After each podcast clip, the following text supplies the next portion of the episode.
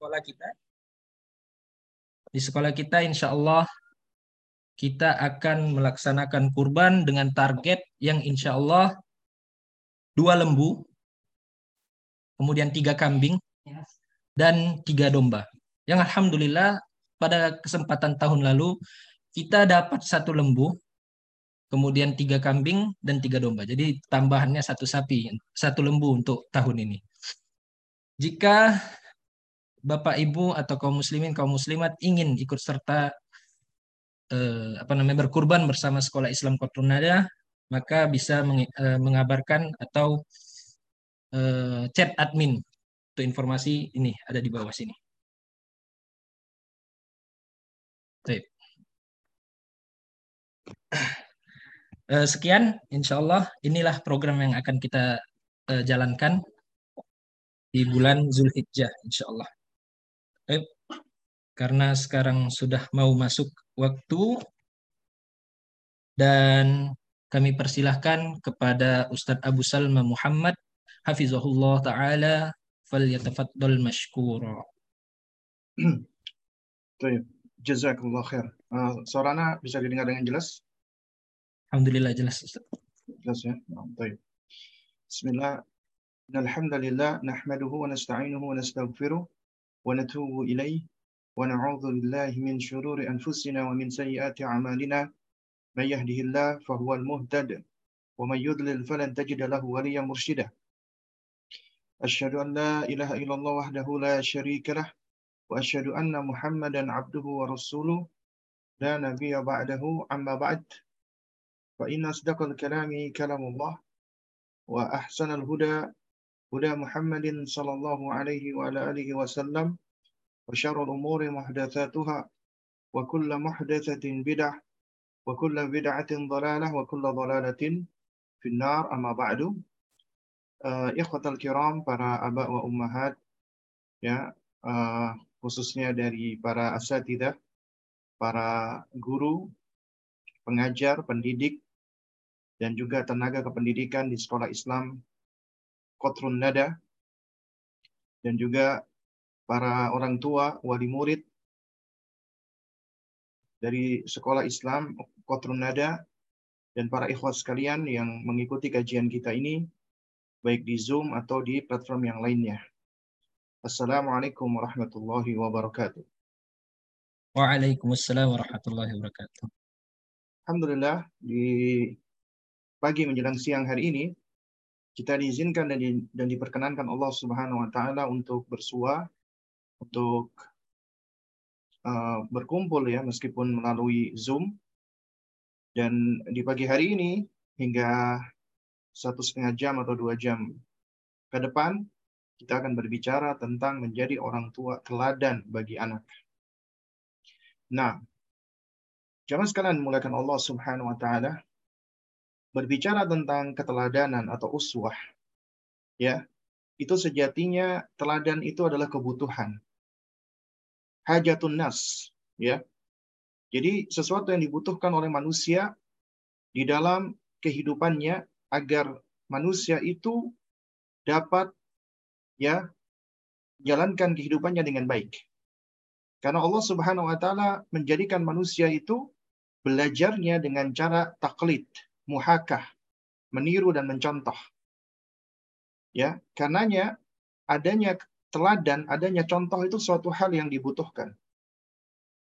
Ini sebagaimana yang disebutkan oleh ya Syekh Mustafa Ashur di dalam risalah beliau yang berjudul At-Tarbiyah bil, bil Qudwah. Ya, beliau mengatakan al-qudwatu hajatu insaniyah. Yang namanya keteladanan itu adalah kebutuhan manusia.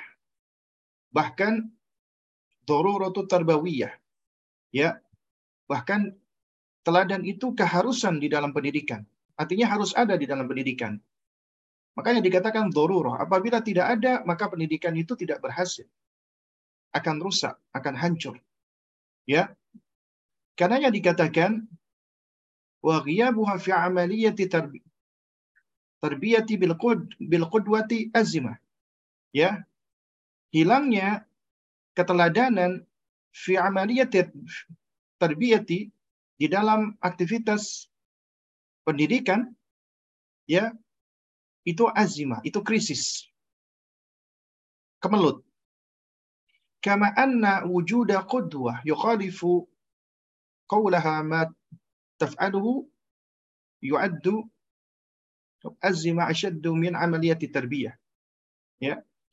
Sebagaimana ya wujud atau keberadaan keteladanan yang menyelisih perkataan yang tidak diamalkan itu bisa dianggap sebagai krisis terbesar di dalam aktivitas pendidikan. Dengan kata lain, ya, apabila kedua atau uswah atau teladan atau contoh tidak ada, maka akan terjadi krisis. Krisis pendidikan dan itu juga menunjukkan krisis ya apa kemanusiaan. Karena manusia apabila tidak memiliki teladan, maka akan rapuh dan hancur. Ya. Nah, Lalu kemudian beliau juga mengatakan tentang urgensi keteladanan atau al-qudwah. Dikatakan al-qudwah itu muhimmatun fit tarbiyah.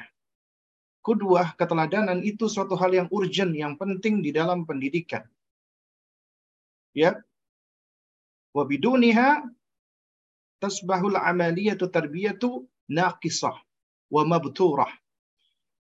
Ketiadaan keteladanan tanpa adanya keteladanan, maka aktivitas pendidikan akan menjadi naqisah, kurang, tidak lengkap.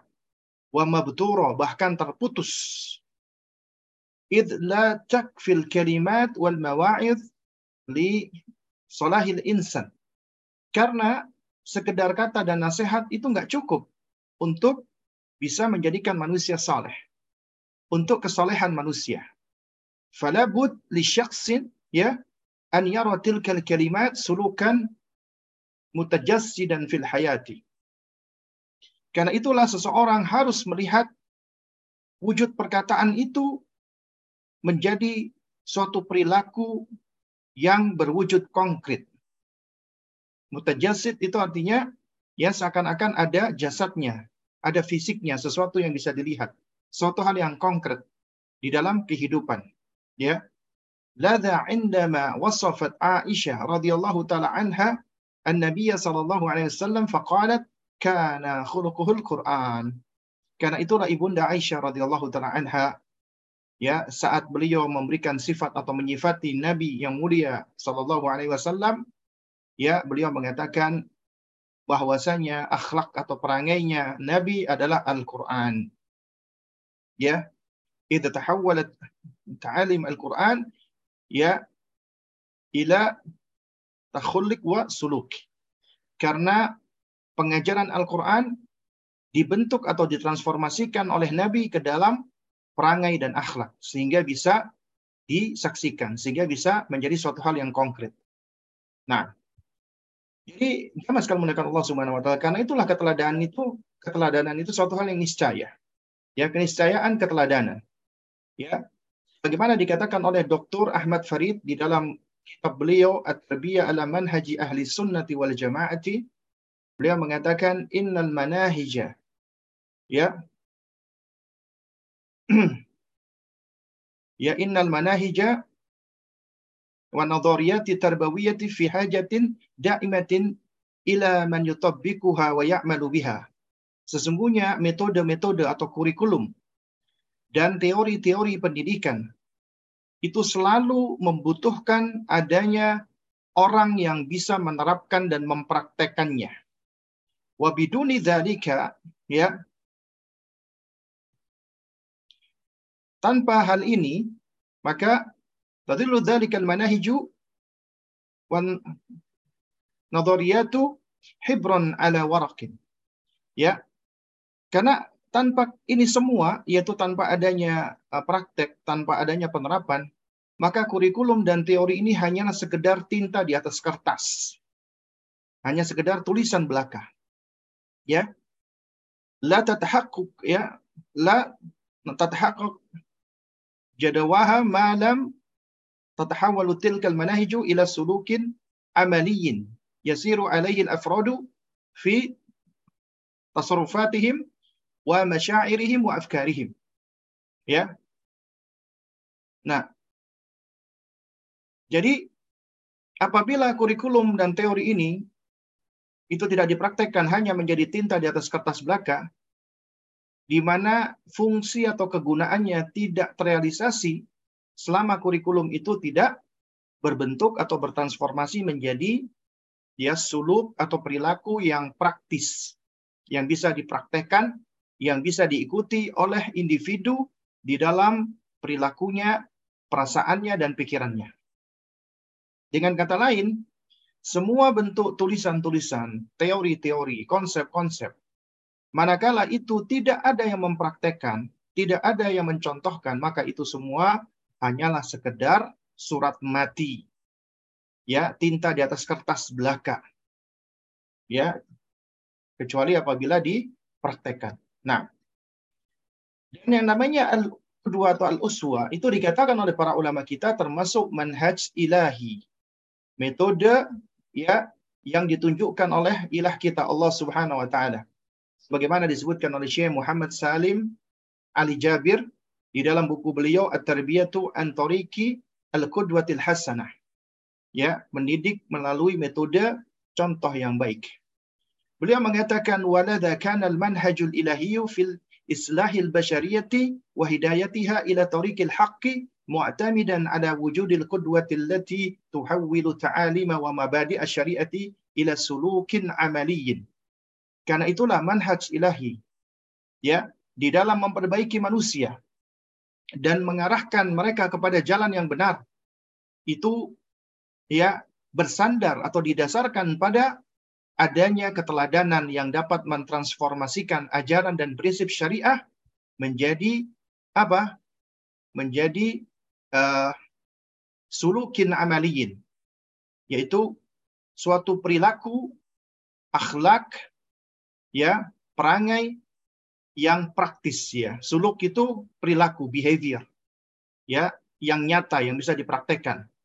Wa haqiqatin waqi'atin ya amam al-bashar jami'an. Dan juga menjadi realita yang konkret, yang nyata di hadapan seluruh manusia. Fakana Rasulullah sallallahu alaihi wasallam huwal qudwa ya huwal qudwa allati tatrajjam al-manhaj al-islami ila haqiqatin wa waqi'in. Karena itulah Rasulullah SAW adalah sosok yang menjadi penerjemah, ya, yang menjadi penjelas yang nyata manhaj Islam sehingga menjadi realita yang konkret sebagaimana ya kama qala ta'ala laqad kana lakum fi rasulillahi uswatun hasanah. Sungguh telah ada ya teladan yang baik pada diri Rasulullah Shallallahu alaihi wasallam. Ya. Nah, berkaitan dengan ayat ini, apabila kita perhatikan Allah Subhanahu wa taala yang menciptakan kita manusia, Allah tahu tentang sifat kita, karakter kita, kondisi kita, tabiat kita, dan seterusnya. Dan Allah tahu bahwasanya kita manusia ini ketika dilahirkan di muka bumi, kita ini dalam keadaan tidak membawa pengetahuan. Tidak punya ilmu. Sebagaimana Allah sebutkan dalam surat An-Nahl ayat 78, Wallahu akhrajakum min butuni ummahatikum la ta'lamuna syai'ah. Dialah Allah Subhanahu wa taala yang mengeluarkan kalian dari rahim ibu-ibu kalian dalam keadaan kalian tidak punya ilmu sama sekali. Gak punya ilmu sama sekali. Tapi Allah berikan kita alat, instrumen untuk bisa berilmu. Waja'ala lakum sam'ah. Allah berikan kepadamu pendengaran. Wal absar, penglihatan. Wal af'idah, pemahaman. La'allakum tashkurun, agar kalian bersyukur.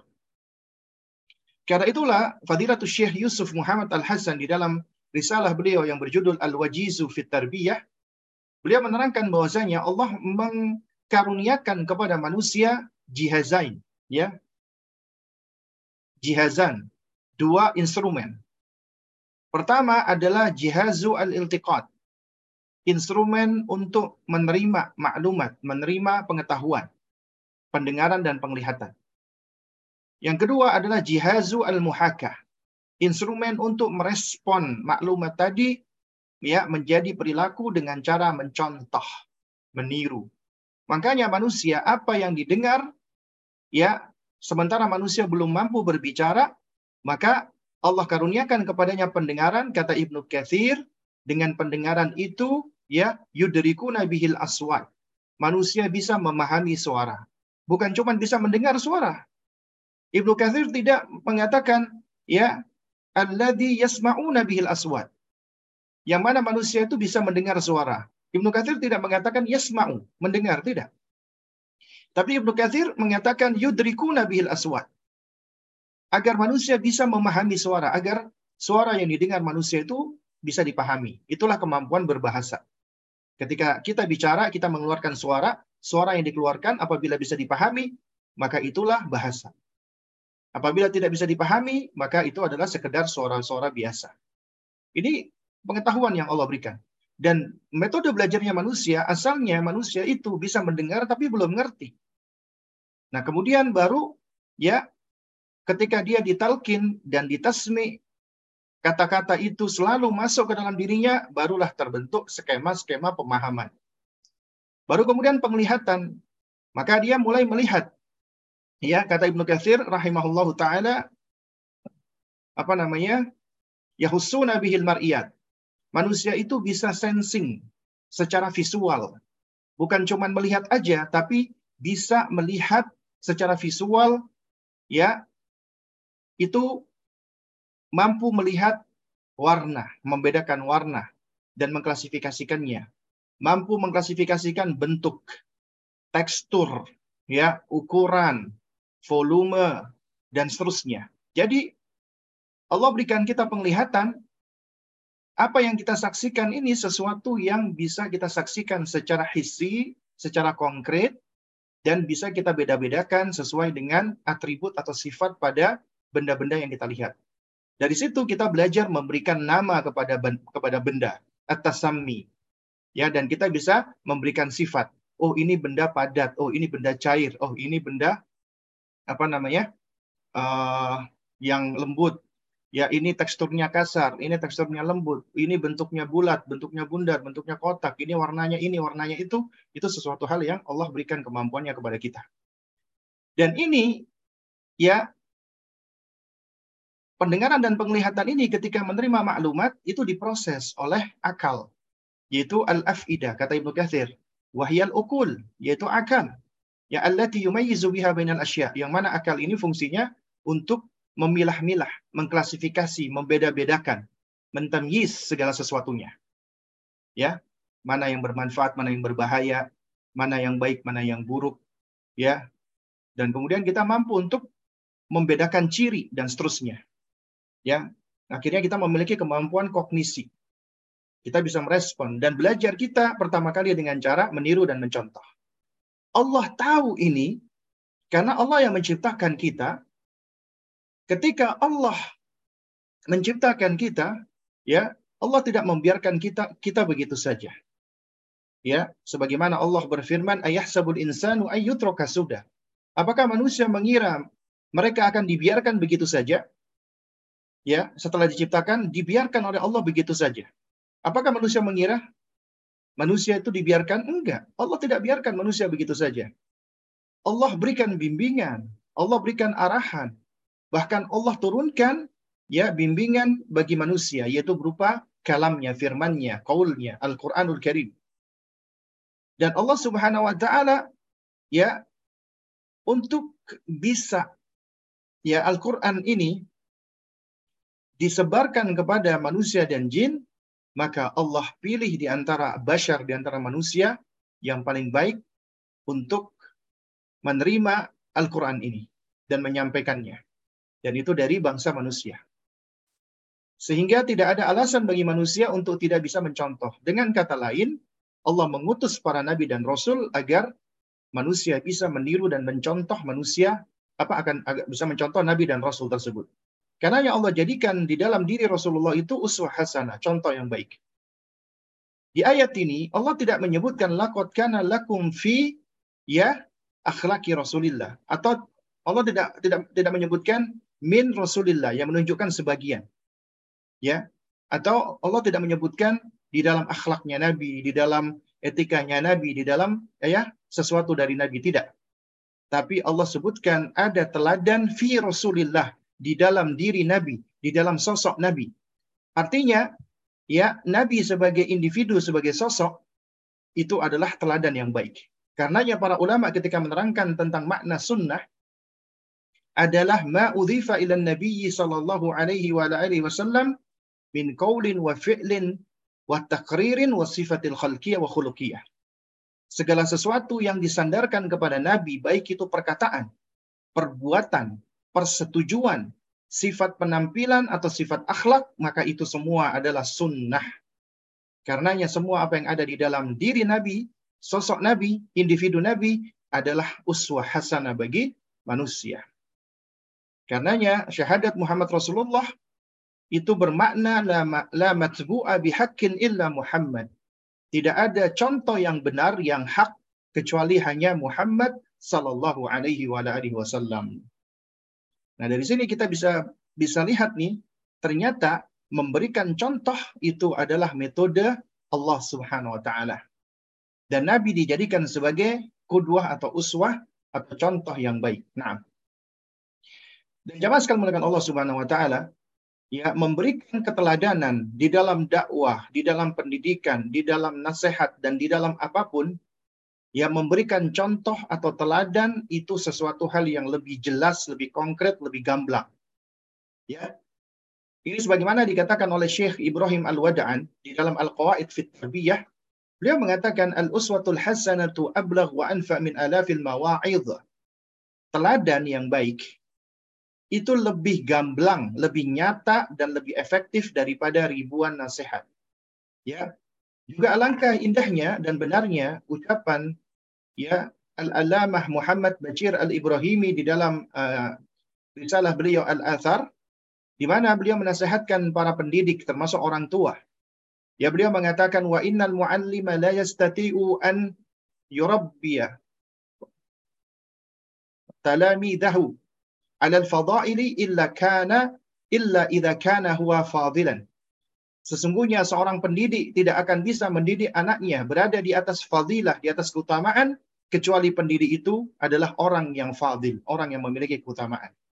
Demikian pula wala yastati'u islahahum illa idza kana huwa salihan. Pendidik juga enggak akan bisa memperbaiki, membenahi, menjadikan anak-anak muridnya, ketu, apa anak-anak uh, didiknya saleh kecuali apabila pendidik itu, orang tua itu orang yang saleh. Kenapa? Li'annahum ya'khuduna minhu bil qudwati akthar mimma ya'khuduna minhu bitalqin. Karena anak-anak itu cenderung untuk menerima, menyerap, mengambil dari gurunya, ya, itu lebih kepada keteladanan atau contoh daripada ya mengambilnya dari sekedar talqin, apa yang dia dengar, apa yang didiktekan dari gurunya. Jadi apa yang dicontohkan itulah yang akan lebih lebih mempengaruhi. Nah, oleh karena itu jamaah sekalian mengatakan Allah Subhanahu wa taala ya, itu dikatakan yang namanya keteladanan itu ibarat ruh ya. Ibarat ruh.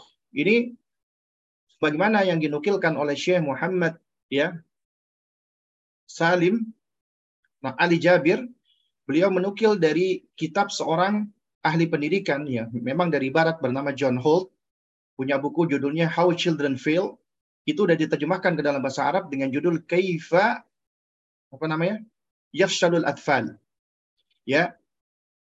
Bahwasanya dia mengatakan laisa alaina an naj'al al-bashar adkiya. Kita ini enggak berkewajiban untuk menjadikan manusia itu cerdas. Ya.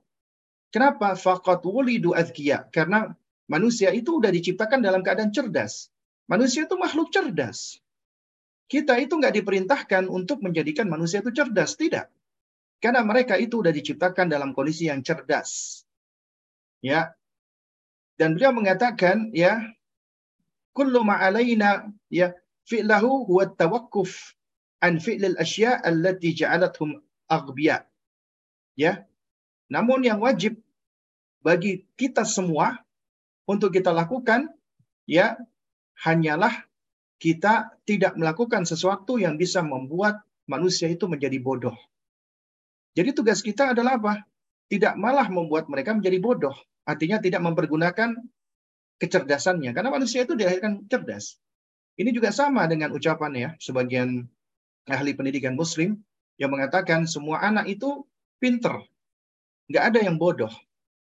Yang bodoh adalah orang tua orang orang tua yang tidak tahu atau guru atau pendidik yang tidak tahu caranya mengajari atau mendidik anak tersebut.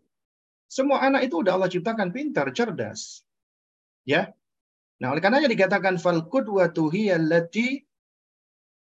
tanfakhur ruh fil kalimati wal mawa'idh wa taj'aluha ya tahayah.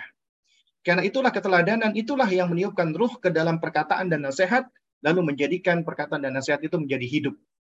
Ya, hidup. Ya. Jadi ibaratnya ruh. Jadi Anda memberikan nasihat, memberikan apa? bimbingan, arahan, wejangan cuman cuman dengan bicara doang itu seperti sesuatu yang tidak memiliki ruh, yang sesuatu yang tidak hidup. Akan menjadi hidup apabila dicontohkan. Ya, diberikan contoh. Nah, oleh karenanya, yang berkewajiban untuk menjadi contoh bagi anak adalah siapa? Orang tua. Ya, orang tua adalah teladan bagi anak karena orang tua adalah sosok terdekat yang disaksikan oleh anak. Ya, ini sebagaimana dikatakan oleh Dr. Muhammad ya Abdul Salam Al-Ajmi di dalam buku beliau judulnya Tarbiyatul Tifli fil Islam An-Nadhariyah wa Tadbiq ya pendidikan anak di dalam Islam ya teori dan uh, konsep dan praktek ya. Beliau mengatakan al-atfalu yanzuruna ila abaihim wa ummahatihim nadharat ya daqiqah ya daqiqatan fahisatan fahisatan ya anak-anak itu melihat dari bapak ibunya ya adik kedua orang tuanya itu dari dekat jadi artinya daqiqah dengan detail dengan dengan rinci ya. Ya. Kemudian wa yata'assaruna bisulukihim duna an yudriku. Dan mereka akan terpengaruh dengan perilaku dari orang tua mereka tanpa mereka sadari. Makanya dikatakan wa rubba amalin la yulki lahul ab awil um balan yakunu indal ibni aziman. Bisa jadi nih, boleh jadi ada suatu perbuatan yang tidak diperhatikan oleh ayah atau ibunya, ternyata itu besar pengaruhnya bagi anaknya. Secara positif atau negatif. Ya, misalnya ada seorang ayah nih, ya, mungkin dia mengatakan aku nggak pernah ngajarin anakku bohong, tapi dia sadar nggak sadar sering kali menunjukkan in inkonsistensi antara perkataan dan amalnya, ya, di hadapan anaknya. Misal contoh nih, ya ada telepon, kemudian si bapak nggak mau ngangkat, ngomong sama istrinya, Umi, kalau yang nelpon Pak Fulan, sampaikan Abi nggak ada. Dia nggak sadar itu anaknya ngamatin, anaknya ngeliat. Ya, dan anaknya itu akan memperhatikan apa yang dia dengar. Dia mengatakan uminya menyampaikan abinya nggak ada di, di rumah. Apa yang dia lihat loh, abinya ada di rumah. Jadi ternyata ya apa yang disampaikan tidak sesuai dengan realita. Itulah bohong, itulah dusta.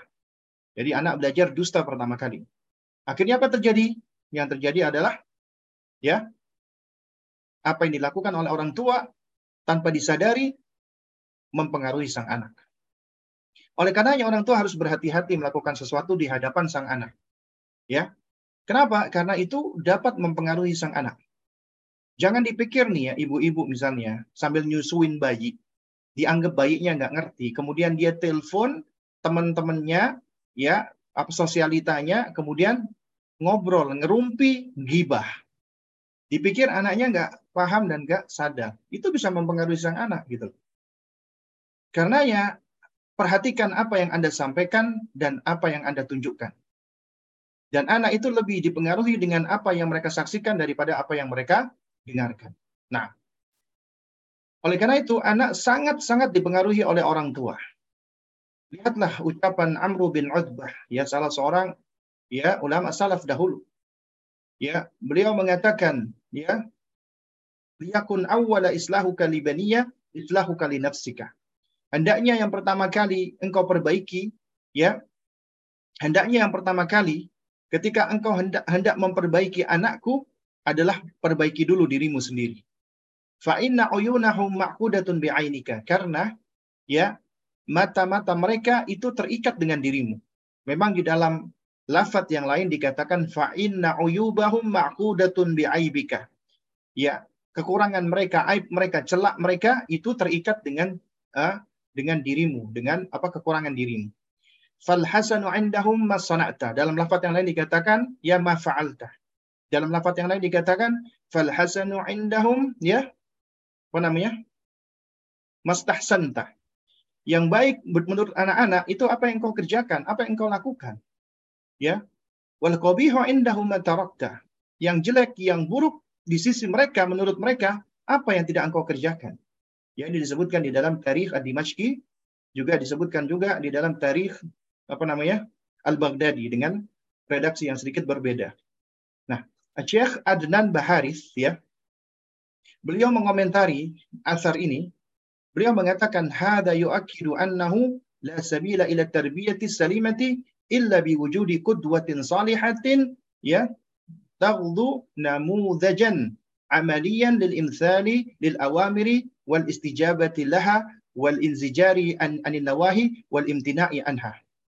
Hal ini menegaskan bahwa tidak ada cara ya di dalam pendidikan yang salim, yang baik, kecuali harus ada teladan yang baik. Ada ya kedua salihah, teladan yang saleh. Sebagai contoh yang praktis ya lil imsa lil imtithalil awamir dalam rangka untuk apa melaksanakan perintah atau menerima perintah menjauhi dan menahan menahan diri dari larangan atau menghindari larangan ya ini sebagaimana disebutkan oleh Syekh Adnan Baharith di dalam buku beliau judulnya Mas'uliyatul Abil Muslim fi Tarbiyatil Walad fi mar fi marhalati tufulah. Setahu saya buku ini sudah diterjemahkan ya. Cuman lupa judulnya. Oleh karena itu alangkah benarnya ya ah, sebuah idiom yang mengatakan fal abna'u nafsu khulqi ya abaihim. Anak itu adalah bentukan yang satu dengan orang tuanya. Nah, ini sebagaimana dikatakan oleh orang-orang barat ya, apple doesn't fall from the tree. Ya, at-tufaha la tasqutu ba'idan 'ani syajarah. Apel enggak enggak jatuh jauh dari pohonnya. Karenanya anna salaha wa fasad al-abna yakunu awal ma yakunu min al-aba. Sesungguhnya soleh atau enggaknya anak, soleh atau rusaknya anak, itu pertama kali sebabnya adalah orang tua. Ini sebagaimana sabda Nabi yang mulia alaihi salam. Nabi mengatakan, Kullu mauludin yuladu ala fitrati fa abawahu yuhawidanihi au yunasiranihi au yumajjisanihi. Setiap anak yang lahir, itu terlahir di atas fitrah. Maka mereka tergantung kepada orang tuanya yang menjadikan anak itu Yahudi, Nasrani, atau Majusi.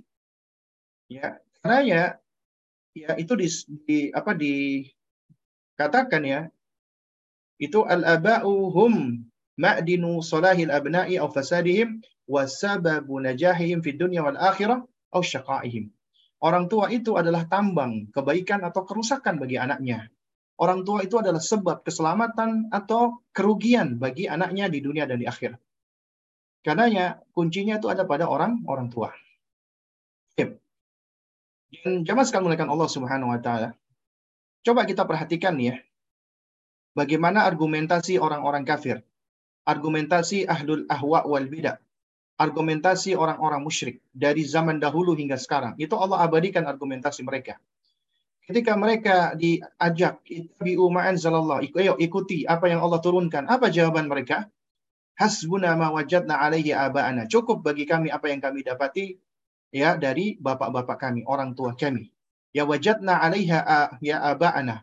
Cukuplah bagi kami apa yang kami dapati dari orang tua orang tua kami, kakek moyang kami, leluhur kami. Ya atau mereka mengatakan ya wajadna aba'ana laha abidin. Kami dapati bapak-bapak kami, orang tua orang tua kami, leluhur-leluhur kami menyembahnya. Atau bal wajadna aba'ana kadzalika yaf'alun. Ya, namun kami dapati orang tua kami ya itu melakukan hal itu. Ya, itu argumentasi mereka dari dulu sampai sekarang. Atau bal nattabi'u ma wajadna alaihi aba'ana. Kami cuma mengikut ikut-ikutan apa yang kami dapati dari bapak-bapak atau nenek moyang kami atau inna wajadna aba'ana ala ummatin wa inna ala asarihim muhtadun. Kami dapati bapak-bapak kami menganut suatu keyakinan, menganut suatu agama, ya, dan kami hanya mengikuti mereka saja. Itu argumentasi mereka dari dari dulu. Ya. Sehingga sekarang. Makanya orang kafir ketika diajak untuk mengikuti Quran dan Sunnah, argumentasi mereka adalah apa? Ini adalah keyakinan yang kami dapati dari orang tua-orang tua kami. Demikian pula orang musyrikin. Demikian pula orang-orang yang menganut keyakinan politisme, animisme, dinamisme, dan yang lain sebagainya. Ya, mereka mengatakan ini adalah yang diajarkan oleh leluhur-leluhur kami. Termasuk ahlul bid'ah wal ahwa, pengikut bid'ah dan hawa nafsu. Ketika mereka diajak untuk mengikuti sunnah Rasulullah dan meninggalkan apa yang mereka kerjakan dari ibadah yang tidak ada tuntunannya, apa jawaban mereka? Ini adalah sesuatu yang kami dapati dari kiai kami, ulama kami, ustadz kami, habib kami, ya orang tua orang tua kami, leluhur-leluhur kami. Itu argumentasi mereka. Ya.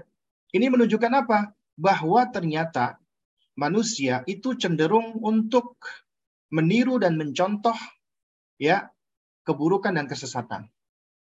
Ya, oleh karenanya alangkah tepat ucapan Al-Alamah Bakr bin Abdullah Abi Zaid rahimahullah yang beliau pernah mengatakan bahwasanya manusia itu ya al-aslu fil insan hukum asal manusia itu adalah apa namanya? berada di atas as-salamah, keselamatan dan berada di atas kesehatan. Ya, baik di atas kebaikan dan sehat. Ya. Nah, adapun penyakit yang diderita oleh manusia itu akibat karena eksternal. Ya. Karena faktor eksternal. Karena Allah menciptakan manusia itu asalnya berada di atas kondisi sehat. Kenapa sakit? Faktor eksternal. Nah, demikian pula manusia itu berada di atas keselamatan. Kenapa tersesat dan menyimpang? Karena orang tua sebagaimana hadis fitrah tadi. Ya. Nah, oleh karenanya wajib bagi kita sebagai orang tua apabila kita ingin menjadi teladan bagi anak-anak kita, maka kita harus mengawali dengan mensolehkan diri kita terlebih dahulu.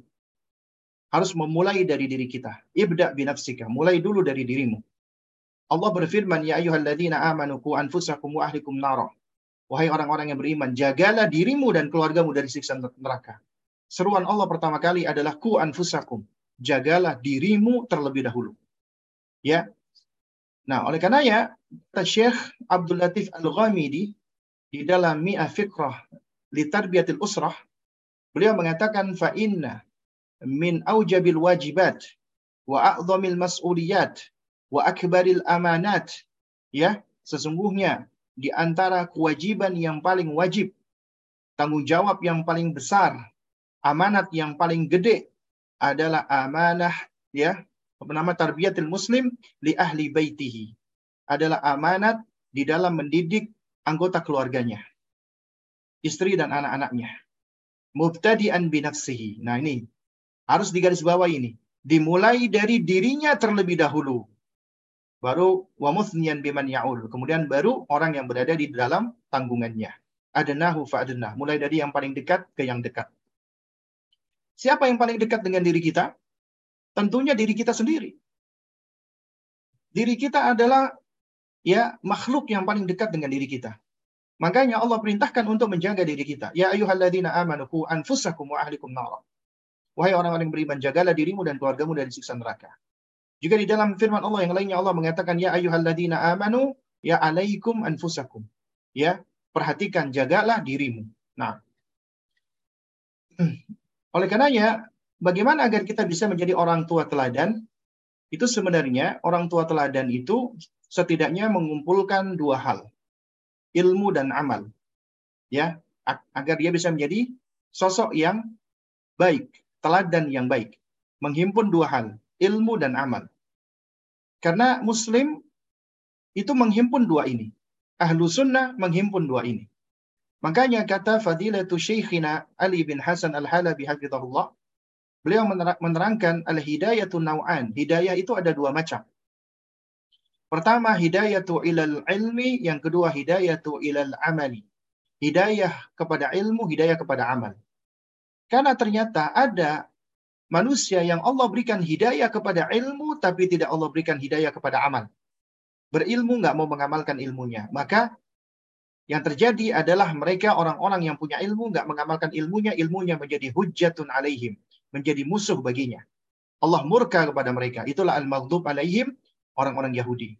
Di sisi lain ada orang-orang yang Allah Subhanahu wa taala berikan amal, hidayah kepada amal, tapi tidak Allah berikan hidayah kepada ilmu. Ya. Jadi beramal tanpa ilmu. Apa yang terjadi? Tersesat. Menyimpang. Ya. Adzalin. Mereka adalah orang-orang Nasrani. Dan kita 17 kali dalam sehari minimal meminta kepada Allah agar Allah memberikan kita jalan yang lurus. Ihdinas siratal mustaqim. Ya Allah, tunjukkanlah kami jalan yang lurus. Jalan apa yang lurus itu? Yaitu jalannya siratal ladina an'amta alaihim.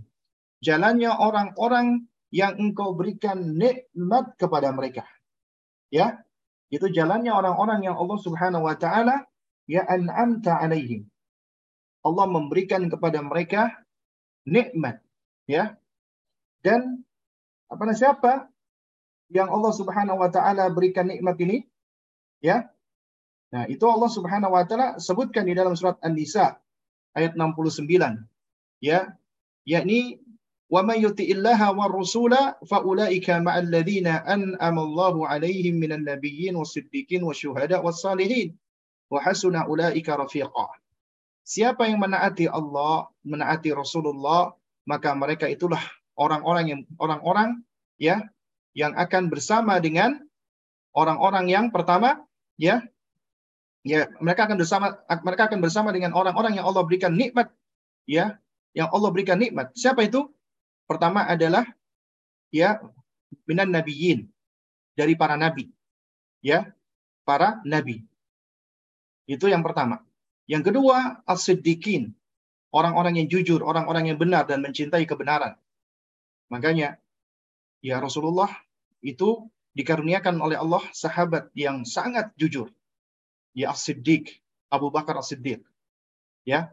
Dan umumnya sahabat-sahabat Nabi itu adalah orang-orang yang siddiqun, jujur. Kemudian yang ketiga syuhada, orang-orang yang mati syahid. Ya. Orang-orang yang mati di dalam mempertahankan akidahnya dan agamanya. Kemudian yang keempat adalah siapa? Orang-orang yang saleh.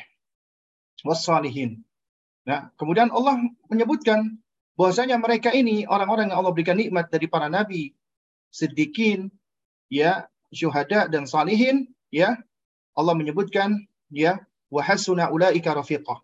Mereka itu adalah teman yang paling baik bagi kita. Karenanya ya, ketika kita memohon kepada Allah ihdinas siratal mustaqim, siratal ladina an'amta alaihim, maka kita meminta kepada Allah, ya Allah, tunjukilah kami jalan yang lurus, yaitu jalannya orang-orang yang kau berikan nikmat, yaitu jalannya para nabi, jalannya siddiqin, jalannya syuhada, jalannya salihin. Dan kalau kita perhatikan, manusia yang paling istimewa, para nabi. Jalan mereka adalah jalan keselamatan. Kemudian setelah para nabi adalah orang-orang yang membenarkan nabi. Yang mengimani nabi. Ya. Yaitu para sahabat Nabi. Yaitu orang-orang yang siddiqin. Dan kemudian syuhada yang pertama kali mati syahid siapa? Ya, sahabat-sahabat Nabi. Dan salihin dan yang paling saleh pertama kali siapa? Sahabat-sahabat Nabi. Sehingga dari sini ini merupakan dalil tentang wajibnya mengikuti akidah dan manhajnya salaf. Akidah dan manhajnya sahabat. Karena jalan yang Allah ridhoi dari mereka yang Allah berikan nikmat itu mereka adalah para salaf kita yang saleh dari para nabi, siddiqin, syuhada dan salihin. Dan mereka adalah orang-orang yang Allah kumpulkan ilmu dan amal. Allah himpunkan ilmu dan amal. Coba nih kalau kita perhatikan. Ketika Nabi SAW di dalam haji wada memberikan nasihat seakan-akan nasihat yang terakhir dan menyebabkan para sahabat bercucuran air mata. Nabi mengatakan, "Man ya'ish minkum fasayara ikhtilafan katsira." Siapa di antara kalian yang masih hidup sepeninggalku nanti, kalian akan lihat perbedaan, ya, pertikaian, perselisihan yang banyak. Tapi Allah, tapi Rasulullah berikan solusi. Itulah ya baiknya Rasulullah. Ketika Nabi menjelaskan tentang kondisi akhir zaman yang penuh dengan keburukan, ya, maka Nabi tetap memberikan solusinya. Kata Nabi, ya, alaikum bisunnati wa sunnati al-khulafa ar-rasyidin al-mahdiyin. Maka ikutilah sunnahku, sunnahnya Nabi. Dan sunnahnya para khalifah yang lurus lagi mendapatkan petunjuk.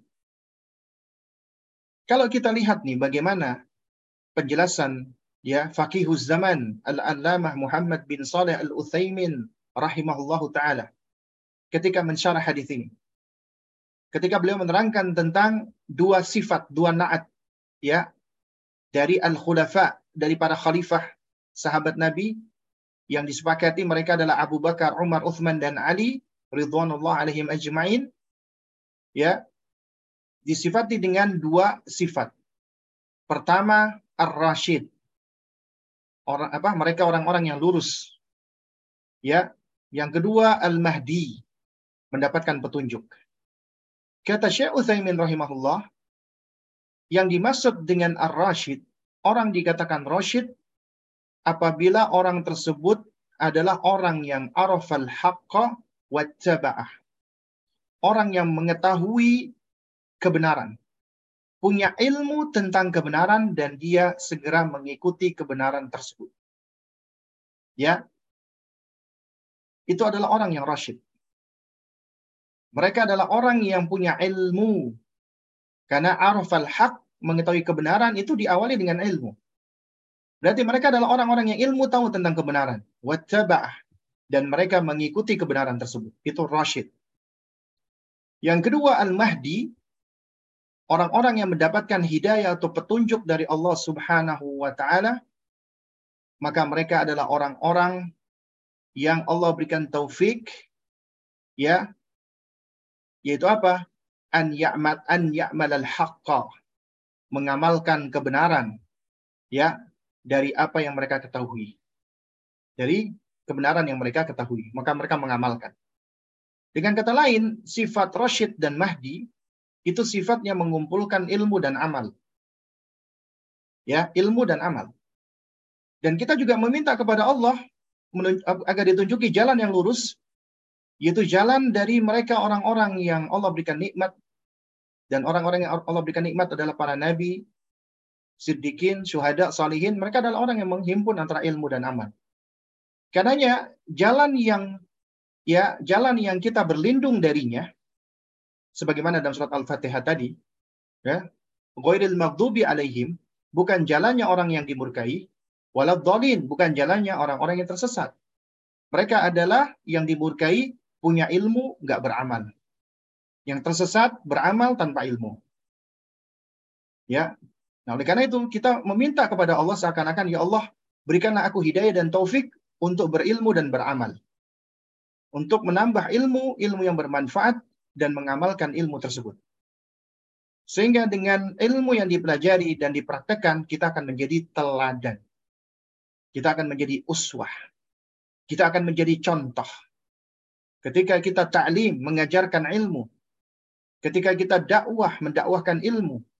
Ketika kita menasehati, menasehati ya dengan kebaikan, kemudian kita contohkan, maka itu akan lebih mudah untuk diterima.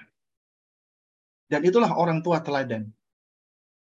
Dan ya di antara karakter agar Anda bisa menjadi, menjadi orang tua teladan, ya ini hanya sebagian ya dan ini untuk memudahkan saja untuk tashil ya bukan batasan maka kita singkat menjadi tujuh singkatan dari kata teladan yang pertama apabila anda ingin menjadi orang tua teladan wahai orang tua T Kata T pertama, tauhid yang engkau ajarkan pertama kali dan utama. Kenapa? Karena tauhid itu haknya Allah. Maka haknya Allah yang harus engkau yang harus engkau dahulukan. Ya. Tauhid itu adalah tujuan Allah menciptakan kita semua. Tauhid adalah tujuan Allah menurunkan Al-Qur'an. Tauhid adalah tujuan Allah mengutus para nabi dan rasul. Tauhid adalah tujuan di mana ya kita berdakwah dan mendakwahi manusia. Semua berporos kepada tauhid. Sehingga tauhid inilah yang akan menjadikan manusia mengerti tentang tujuan hidupnya, visi dan misinya di dunia ini. Sehingga dia menjadi orang yang tidak bingung, orang yang tidak disorientasi, orang yang tidak confused. Kenapa? Karena dia tahu, aku makhluk, ciptaan Allah, aku punya tujuan, Allah menciptakanku, itu pasti bukan uh, tanpa ada maksud, tanpa ada tujuan, bukan untuk kesia-siaan. Allah tidak mungkin berbuat iseng.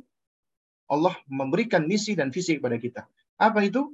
Yaitu kita beribadah hanya kepadanya, mentauhidkan Allah. Dan mentauhidkan Allah berarti kita menautkan dan mengaitkan anak kita dengan Allah. Dan siapa yang membangun koneksi antara anaknya dengan Allah, maka Allah tidak akan melupakan peran orang tua yang mengoneksikan anaknya dengan Allah. Allah berikan dia taufik agar anak ini menjadi anak yang saleh, yang berbakti kepada orang tuanya, dan memberikan manfaat bagi orang tuanya di dunia dan di akhirat. Karena itu, ya yang pertama kali yang harus dilakukan oleh orang tua koneksikan anak dengan penciptanya ajarkan mereka tauhid inilah yang ditunjukkan oleh Luqman alaihissalam ketika menasihati anaknya ya bunayya wahai nak la tusyrik billah janganlah kamu menyekutukan Allah inna syirka la zulmun azim karena kesyirikan itu kezaliman yang besar kemudian ya setelah ayat ini ya Dua ayat berikutnya itu berbicara tentang orang tua. Itu bukan nasihat Luqman. Ini perhatikan, itu bukan nasihat Luqman. Tapi nasihat atau wasiat Allah. Wa insana apa namanya? Biwalidayhi hamalathu ummuhu wahnan ala wahnin wa fisaluhu fi amaini. Kami wasiatkan, kami perintahkan manusia untuk berbuat baik kepada kedua orang tuanya. Dan umum dan uminya, ibunya mengandung semakin lama semakin berat dan menyapihnya selama dua tahun ya Nah, ini menunjukkan apa? Bahwasanya Allah Subhanahu wa taala ingin mengingatkan nih. Ketika Luqman memberikan nasihat kepada anaknya agar mentauhidkan Allah, berarti ini nasihat mengkoneksikan anak dengan penciptanya dengan Allah. Maka Allah sebagai sang pencipta tidak akan ya melupakan haknya hamba tadi. Allah akan berikan kebaikan. Allah berikan taufik kepada anaknya. Allah perintahkan kepada manusia agar berbakti kepada kedua orang tuanya. Jadi ketika Anda mendidik anak Anda, nggak bisa Anda cuma nyuruh, kamu harus taat kepada Abi sama Umi, kamu harus berbakti. Nggak bisa. Bukan cara yang hikmah seperti itu. Caranya adalah apa? Adalah kita harus berbakti dulu kepada sang anak.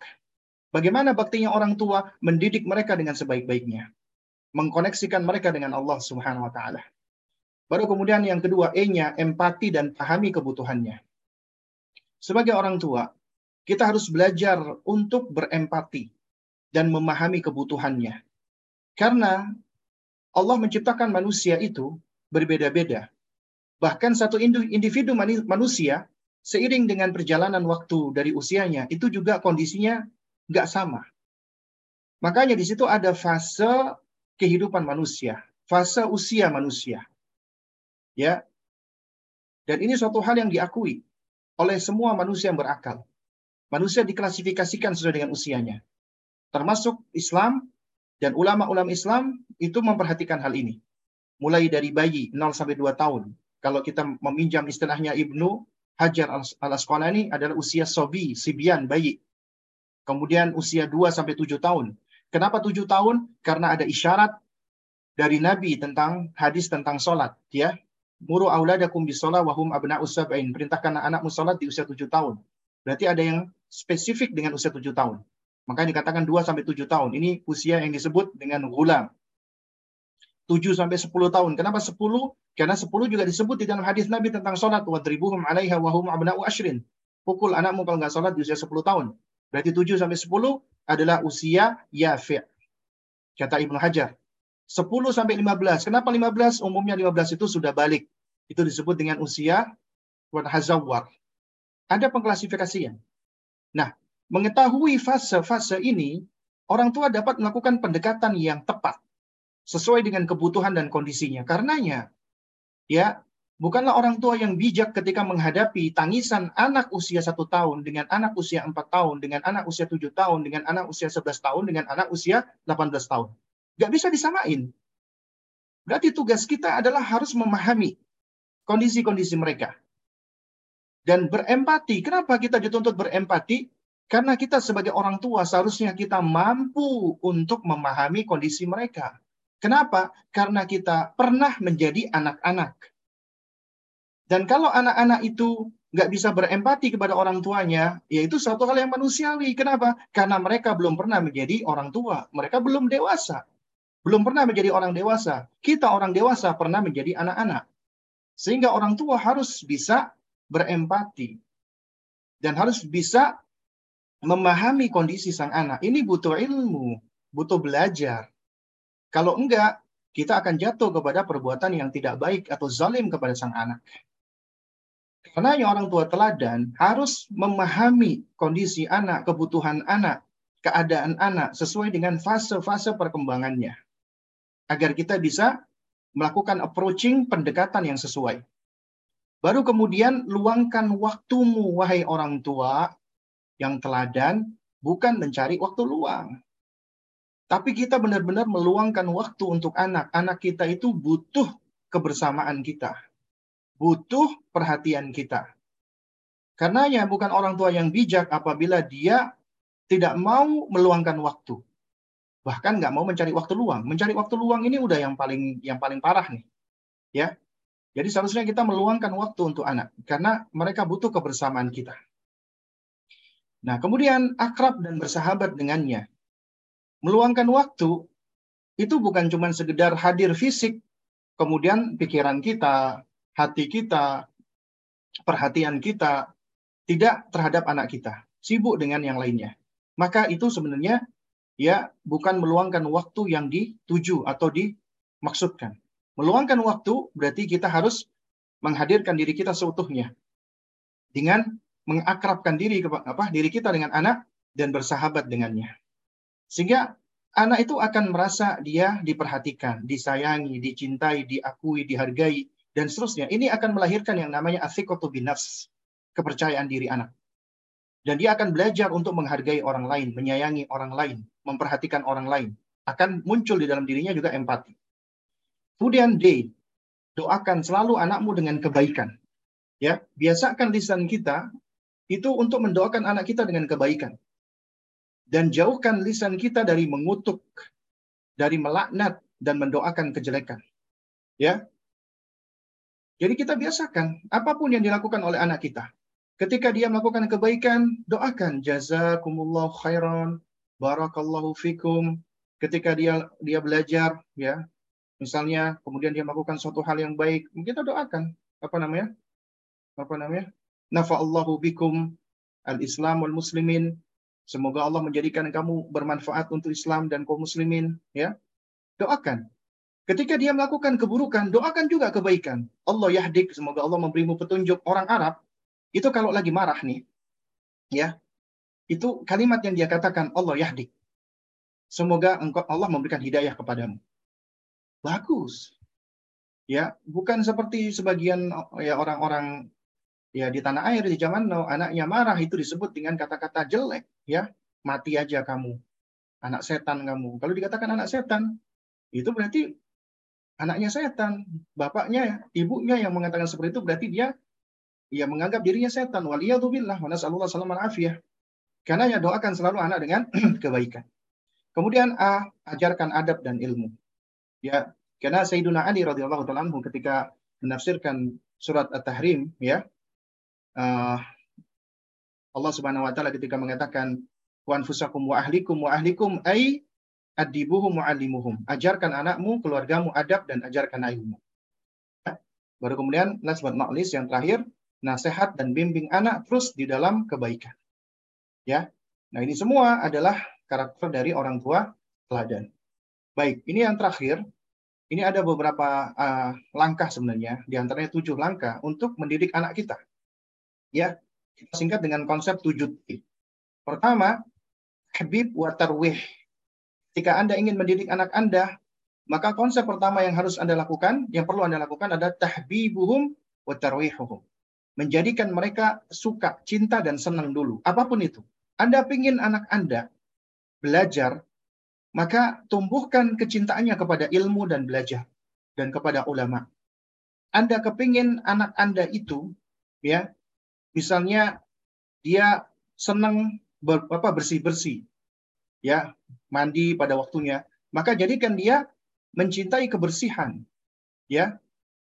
Dan kemudian kita jelaskan tentang Allah mencintai keindahan, Nabi mencintai kebersihan, Islam kita mengajarkan kebersihan. Jadi tahbib menumbuhkan rasa cinta dulu. Ya, bukan diancam, bukan ditakut-takuti, bukan cuma disuruh, tidak. Kuncinya yang pertama adalah jadikan tumbuhkan mahabbah, hub, cintanya dulu. Baru kemudian yang kedua, ribu wa tansyid.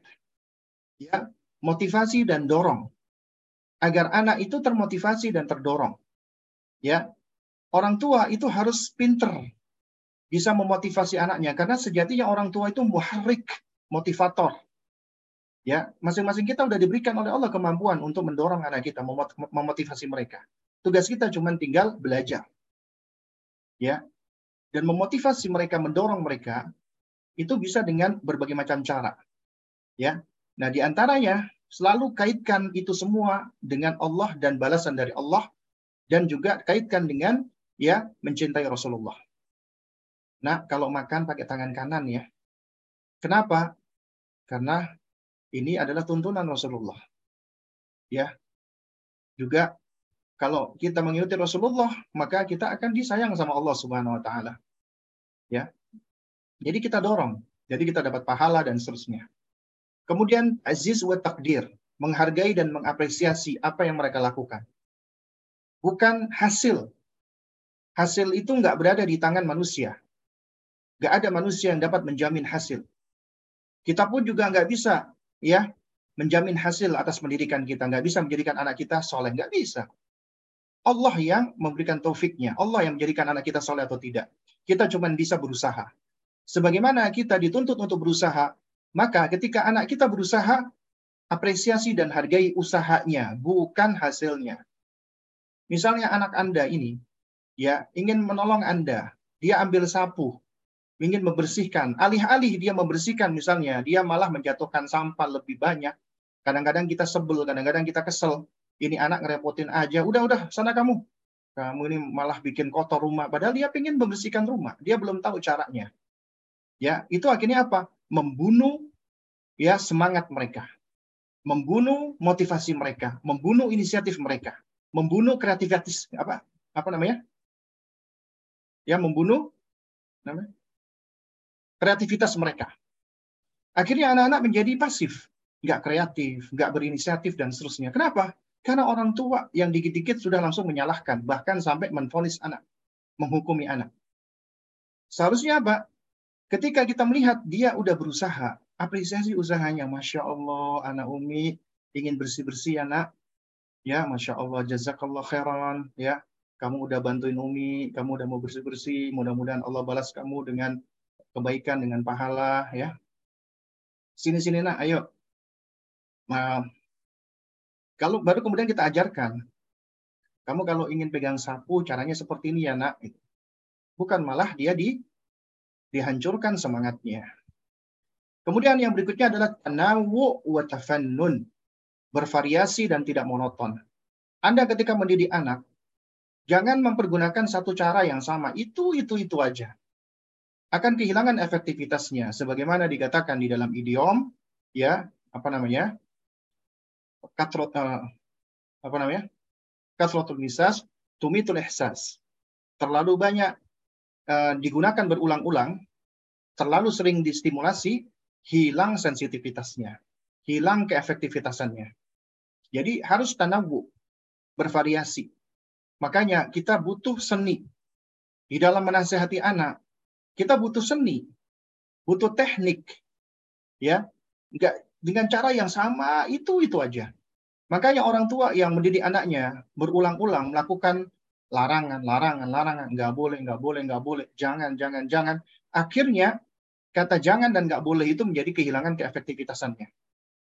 Ya, Bukan artinya kita nggak boleh melarang anak, boleh. Tapi kalau nggak kita lakukan dengan cara yang bijak, tidak dengan uh, pondasi, landasan, cara yang ilmiah, maka akan menjadi nggak begitu efektif. Dikit-dikit jangan, dikit-dikit jangan, dikit-dikit nggak nggak boleh. Itu juga sama, bisa membunuh kreativitas anak, bisa mematikan inisiatif anak gitu. Kemudian hil wa taisir, memudahkan ya menjadikan mudah bukan malah dipersulit anak itu ya makanya Imam Bukhari rahimahullah ketika menafsirkan tentang Rabbani Allah ketika memerintahkan kun apa namanya Rabbanian jadilah engkau orang yang Rabbani kata Ibnu eh, kata Imam Bukhari rahimahullah yang dimaksud dengan Rabbani adalah man yurabbiyun nasa bisigharil ilmi qabla kibarihi orang yang mendidik manusia dengan ilmu yang kecil, yang enteng, yang mudah dulu sebelum yang berat, sebelum yang susah-susah dulu. Maka demikian ketika Anda mendidik anak Anda, mulai dari yang mudah dulu, yang enteng dulu. Sesuai dengan kemampuan, sesuai dengan ya kondisi mereka. Kemudian yang terakhir adalah tadrij atau tadarruj. Bertahap. Karena pendidikan itu proses. Step by step. Syai'an fa syai'an, halan fa halan, qalilan qalilan. Enggak bisa instan ya harus mengikuti langkah-langkahnya. Tadarrujan, itulah tarbiyah. Karena tarbiyah itu kata Imam Al-Baydawi rahimahullah ta'ala adalah tabligh syai' ila kamalihi syai'an fa syai'an. Menghantarkan sesuatu sampai ke tingkat optimalnya ya sedikit demi sedikit. Ya, langkah demi langkah. Nah, insya Allah dengan demikian ya mudah-mudahan Allah akan berikan kemudahan. Ya, kemudian yang terakhir lagi adalah ta'awun, kerjasama. Butuh kerjasama. Kita kerjasama dengan pasangan kita. Jangan masing-masing dong. Harus ada konsep yang kita sepakati bersama. Harus ada aturan yang kita sepakati bersama. Ya, agar anak tidak bingung, agar anak tidak labil, agar anak tidak inkonsisten. Mereka akan belajar tentang yang namanya kerjasama, teamwork. Itu butuh di dalam mendidik anak. Nah, ya mudah-mudahan sedikit ini bisa memberikan manfaatnya bagi kita semua. Ya, mungkin Eh, berikutnya, apabila ada pertanyaan yang bisa saya jawab, akan saya jawab. Yang tidak bisa saya jawab, nanti insya Allah akan dijawab oleh apa namanya host kita atau atau moderator kita nanti. Insya Allah. Masya Allah. Alhamdulillah. Jazakumullah khair kathiran ya Ustaz. Atas ilmunya. Masya Allah ini ilmunya ini bisa untuk kita semua sebagai calon orang tua atau yang sudah menjadi orang tua bahkan bahkan bagi guru-guru nih karena teladan itu bukan hanya untuk orang tua guru pun juga harus menjadi teladan benar ya Ustaz ya bagi murid-muridnya menjadi contoh bagi murid-muridnya karena kebanyakan guru sekarang ini apa namanya kayak yang Ustaz bilang hanya memerintah eh, mengatur tapi tidak dengan teladan tidak memberikan contoh atau tidak memberi tiruan yang baik kepada murid-muridnya baik sebelum kita masuk ke sesi tanya jawab, boleh eh, bertanya di kolom chat atau mengangkat tangan langsung. Bisa kita. Nah itu Ustaz udah membagikan eh, file PDF-nya ya. Alhamdulillah. Boleh bertanya langsung melalui kolom chat atau angkat tangannya, raise hand, berbicara langsung. Baik. Sini Anda ingin eh,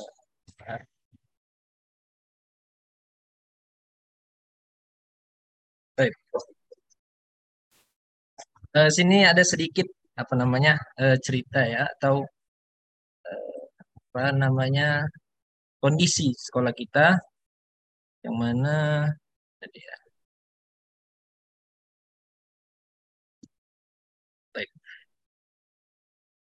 Bismillah, Assalamualaikum warahmatullahi wabarakatuh. Eh, saat ini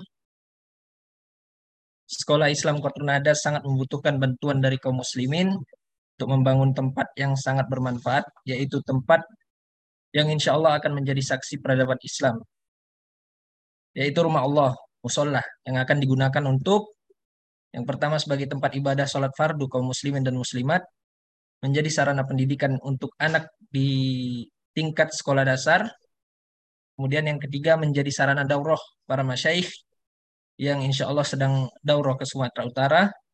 Yang keempat menjadi tempat kajian tematik untuk masyarakat sekitar. Dan insya Allah masih banyak lagi yang akan kita manfaatkan dari pembangunan musola ini. Karena tantangan kita di masyarakat, yaitu anak-anak yang belum balik atau belum sunat, biasanya tidak diperkenankan sholat di saf depan atau sejajar dengan orang yang dewasa. Dan ini merupakan kesalahan di masyarakat. Justru sebaiknya anak-anak sholat berdampingan dengan yang lebih dewasa agar bisa diajarkan tenang dan khusyuk di dalam sholatnya. Karena kemarin eh, sewaktu PPDB ada orang tua cerita Ustaz. beliau cerita anaknya trauma ke masjid. Karena sewaktu di masjid orang tuanya ingin dia sholat itu sebelah orang tuanya, tapi dilarang sama eh, BKM atau orang-orang yang di masjid. Dilarang disuruh ke belakang, kemudian di belakang rupanya dibully sama anak-anak seusianya atau yang lebih dewasa darinya. Dan sampai sekarang anak tersebut trauma untuk pergi ke masjid. Dan orang tuanya sangat menyayangkan hal tersebut. Nah, ini merupakan tantangan bagi kita, yaitu agar anak-anak bisa sholat berdampingan atau kita bisa mengajarkan tentang khusyuk di dalam sholat. Nah, ini bagi yang ingin berinfak, bisa di screenshot nih eh, ke Bank Syariah Indonesia di 511 511 5166 selama Yayasan Kotrunada. Untuk informasi bisa dihubungi Ana sendiri di 0812 6281 2073. Dan alhamdulillah sekarang dana yang sudah terkumpul sebesar 32 juta. Semoga kita bisa menjadi bagian dari kebaikan ini dan bisa mendapatkan pahala jariah yang mana tidak akan terputus walaupun kita telah wafat. Wassalamualaikum warahmatullahi wabarakatuh. Sedikit dari Insyaallah ini udah ada yang bertanya. Belum ada yang bertanya. Kalau nggak ada yang nanya, kita yang bertanya nih. Insyaallah. Terakhir, oh ini ada yang angkat tangan nih Ustadz nih. Masya Allah. Dipersilakan kepada Ummu Alif untuk bertanya.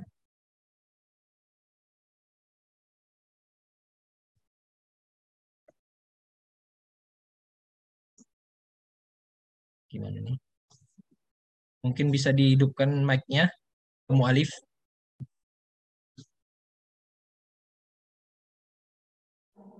Afan Ustadz, sudah?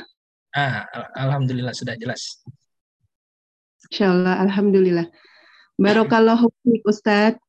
Uh, izin bertanya, uh, beberapa waktu ini uh, saya seorang ibu mempunyai anak remaja, usianya uh, kelas 1 SMA, beliau mondok ya. Nah kemarin pas libur, kode Allah ada ada sedikit uh, permasalahan. Jadi uh, anak remaja ini, uh, anak saya ini uh, ingin sekali mengetahui dunia luar pondok begitu. Kodarullah teman-teman di lingkungan rumah mengajak untuk uh, nonton bioskop waktu itu. Uh, nah, biasanya anak saya itu selalu izin dengan saya, tapi jarang izin dengan ayahnya karena merasa takut begitu. Nah, di sini eh, setelah semuanya terjadi, akhirnya eh, terjadi satu permasalahan di mana ayahnya tidak terima anaknya nonton bioskop dan segala macam gitu. Terus eh, saya di sini dilema antara apakah harus memberikan kesempatan kepada anak untuk mengetahui dunia luar ataukah tidak gitu. Sedangkan ayahnya kekeh untuk eh, jangan pernah diberikan kesempatan untuk mengenal hal-hal yang seperti itu begitu. Eh, bagaimana Ustadz sarannya untuk eh, saya sebagai seorang ibu dan seorang istri jika eh, suatu saat anak saya libur pondok lagi terus eh, ikut dengan teman-temannya yang kodarullah ya tidak mondok begitu. Jadi saya itu agak dilema Ustadz. Bagaimana saran Ustadz? Begitu. Assalamualaikum warahmatullahi wabarakatuh. Assalamualaikum warahmatullahi wabarakatuh. Boleh langsung dijawab Ustadz? Fadol. Nah, untuk ya, kalau ya. Jadi uh, memang yang mendidik anak itu adalah suatu hal yang menantang. Uh, banyak ujiannya, dan suatu hal yang tidak mudah karena amanat amanat yang yang tidak ringan amanat yang berat namun apabila kita senantiasa berupaya dan meminta kemudahan dari Allah kita banyak bersandar kepada Allah Subhanahu wa taala maka semua kesulitan itu Allah yang akan mudahkan kemudian uh, ketika anak kita sudah remaja berarti dia sudah balik ketika dia sudah balik maka sejatinya dia sudah bertanggung jawab tentang dirinya dia sudah menanggung dosa. Maksudnya ketika dia melakukan maksiat maka dia sudah berdosa. Bukan artinya ketika kecil di apa dosa ditanggung oleh orang tuanya.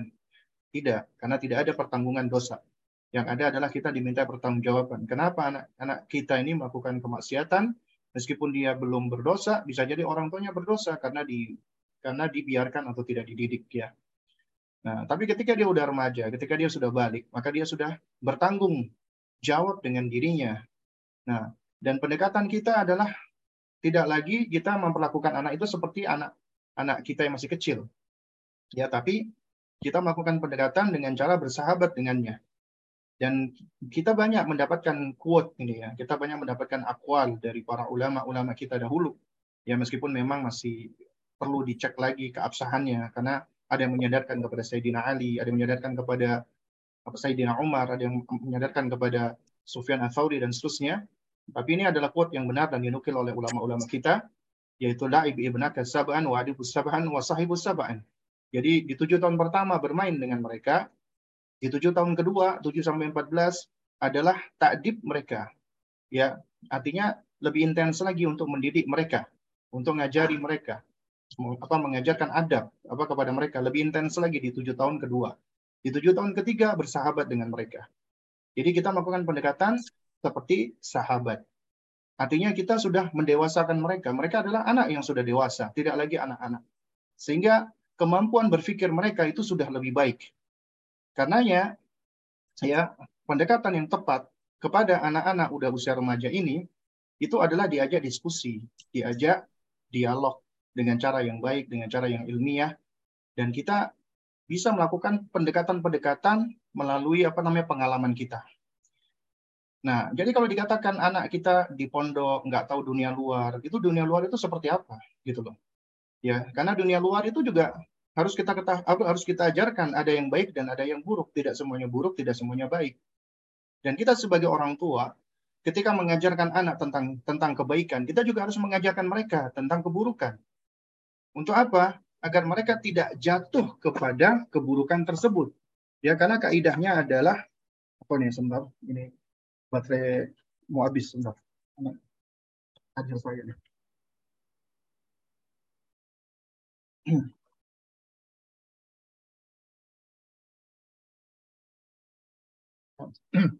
Nah, Jadi mengajarkan anak-anak kita ya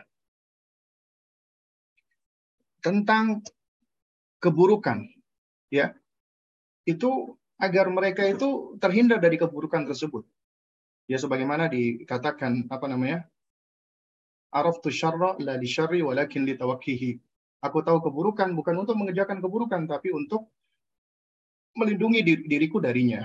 Bahkan juga uh, ada ucapan yang masyhur ya dari Sayyidina Umar radhiyallahu taala anhu di mana beliau mengatakan man lam ya'rifil jahiliyata yaqa fiha. Siapa yang tidak tahu tentang perkara kejahiliaan maka dia akan jatuh ke dalamnya. Nah, anak usia remaja ya dia akan apa namanya akan dipenuhi dengan keingintahuan. Misalnya tentang berinteraksi dengan lawan jenis atau mungkin dia sudah ada ketertarikan dengan lawan jenis. Ya, atau dia ingin tahu tentang hal-hal yang dilakukan oleh anak-anak yang lain, ya. Nah, makanya dari sini nasihat saya adalah lakukan pendekatan seperti sahabat. Jangan sampai anak kehilangan sahabat di rumah, akhirnya dia mencari sahabat di luar, dan sahabat yang di luar ini akan lebih mempengaruhi dia, terutama di dalam keburukan.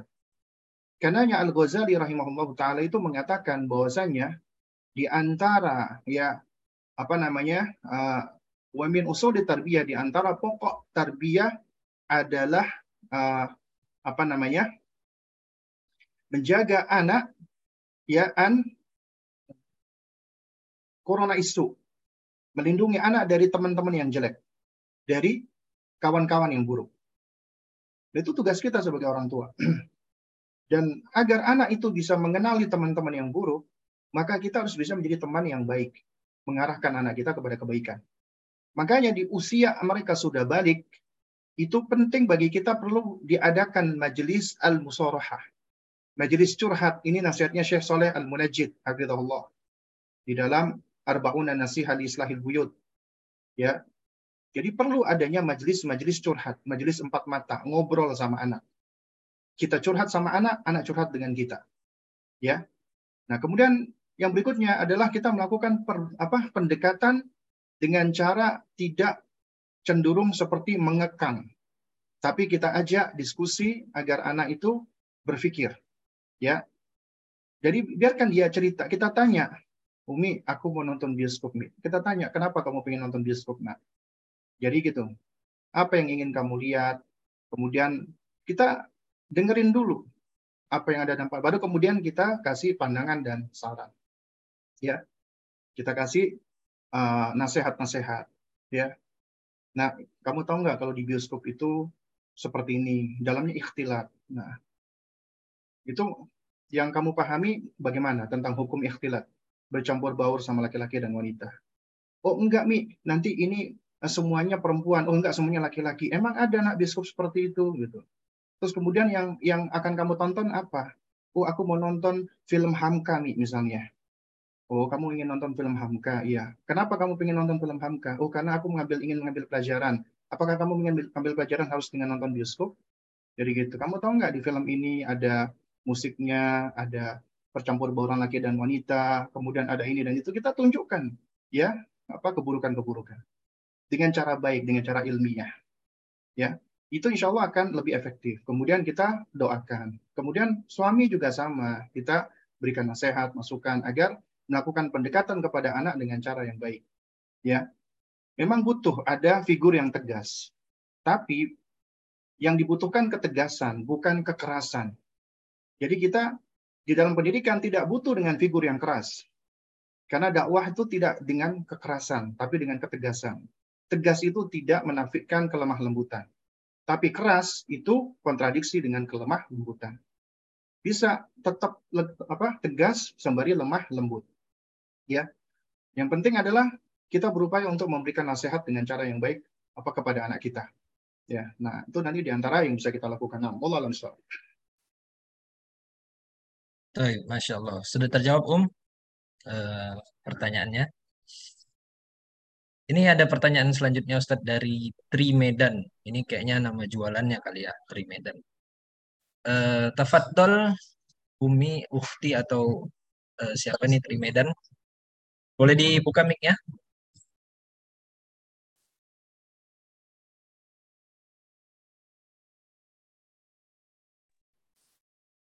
Ya, Assalamualaikum warahmatullahi wabarakatuh, Ustadz. Waalaikumsalam warahmatullahi wabarakatuh uh, yang ingin saya pertanyakan, saya uh, orang tua yang berkeinginan anak itu masuk pondok, Ustadz kan. Tetapi uh, sepertinya saya melihat uh, reaksi dari anak saya gitu kan. Uh, itu sepertinya dia uh, tidak ada keinginan gitu, bukan tidak ada keinginan, tetapi uh, ada keragu keraguan gitu atas dirinya. Kemudian dalam hal belajar tahfiznya gitu kan, sepertinya tidak ada giroh uh, pada dirinya untuk menghafal gitu karena dia melihat adiknya gitu kan adiknya itu sudah hafal jus keberapa gitu sementara melihat dirinya itu kayaknya dia minder gitu kan si adik uh, bisa hafal bisa murojaah sementara kakak uh, hafal sedikit aja langsung lupa bun katanya gitu jadi saya pikir begini Ustadz ini bagaimana caranya gitu agar menumbuhkan giroh si anak uh, dalam hal belajar tahfiz ini Ustadz. Kemudian bagaimana agar anak ini uh, ini kan keinginan orang tua Ustadz. Apakah uh, kita sebagai orang tua ini berhak gitu? Karena karena nggak ini juga ya Ustadz, nggak adil juga ketika uh, kami sebagai orang tua ini untuk uh, kemauan kami sendiri gitu. Artinya si anak ini tidak ingin di pondok gitu, tapi dia lebih suka ke pelajaran sains gitu. Nah mungkin bisa Ustadz arahkan kami, bimbing kami mungkin dari dari sakofa yang Ustadz miliki gitu. Mudah-mudahan apa yang Ustadz sampaikan kepada kami, insya Allah kami terapkan Ustadz. Mungkin itu saja Ustadz. Wassalamualaikum warahmatullahi wabarakatuh. Waalaikumsalam warahmatullahi wabarakatuh. Terima kasih atas pertanyaannya Um. Tafadhol Ustadz, boleh dijawab. Tadi anaknya laki atau perempuan tadi anaknya? Anaknya laki perempuan tadi, Om. Mau masuk pondok tadi, cuman tahunya Ustaz. Hmm? Tadi tahunya mau masuk pondok. Perempuan atau laki-laki? Anak Um, saya perempuan. Ustaz. Perempuan. Nah, untuk ya barakallahu fik ya. Jadi yang pertama, ya, eh, harus kita camkan mendidik anak itu asalnya tanggung jawab kita orang tuanya. Bukan tanggung jawab orang lain, bukan tanggung jawab eh, orang tua kita, ya kakek nenek anak kita, atau tanggung jawab eh, sekolah atau pondok, bukan, itu tanggung jawab kita. Asalnya demikian.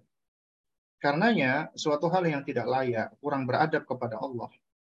Ya, kita menitipkan anak kita yang merupakan titipan Allah, kita titipkan lagi kepada yang lainnya. Itu kurang beradab sama Allah. Dan Allah ketika menitipkan amanat kepada kita, Allah sudah memberikan kepada kita kemampuan. Yakini itu. La yukallifullahu nafsan illa wus'aha. Allah tidak akan membebani seseorang melebihi daripada kapasitasnya. Nggak mungkin Allah memberikan amanat di luar daripada kemampuan kita. Dengan kata lain, ya sebetapapun amanat yang Allah berikan berupa anak, berapapun jumlahnya, Allah udah berikan kita kemampuan untuk mendidiknya, menafkahinya, ya dengan cara yang yang baik, ya. Itu suatu hal yang sudah Allah berikan kemampuannya.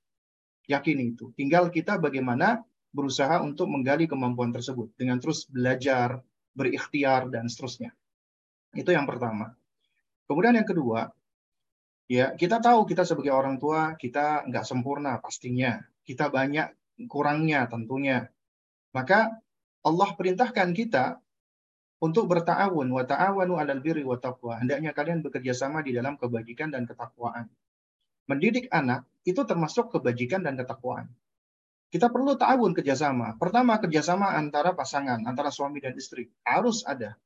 Baru kemudian kita boleh bertawun dengan sahabat, teman, atau yang lainnya. Karenanya ketika kita mencarikan sekolah buat anak kita, kita mencari mitra, partner untuk mendidik anak kita, bukan mencari tempat penitipan anak. Kita mencari partner buat kita. Karena kita sadar kita nggak bisa mengajarkan semua hal. Ternyata ada ya orang-orang yang punya kemampuan tersebut yang bisa mengajarkan itu kepada anak kita, kita kerjasama dengan mereka. Jadi sekolah adalah mitra kita, partner kita. Jadi jangan dijadikan tempat penitipan. Ya, itu suatu hal yang tidak etis kepada Allah Subhanahu wa taala. Kemudian yang ketiga, setiap anak itu unik. Allah berikan masing-masing anak itu keunikan. Setiap anak itu cerdas. Allah berikan kecerdasan yang unik pada anak-anak kita. Dan Allah berikan kepada anak kita itu bakat, minat, potensi yang nggak sama. Karenanya di dalam pendidikan, suatu hal yang tidak tepat, suatu hal yang keliru, manakala kita mendidik dengan cara mengcompare mereka, membanding-bandingkan mereka. Ini si Fulan bisa, masa anakku kok nggak bisa.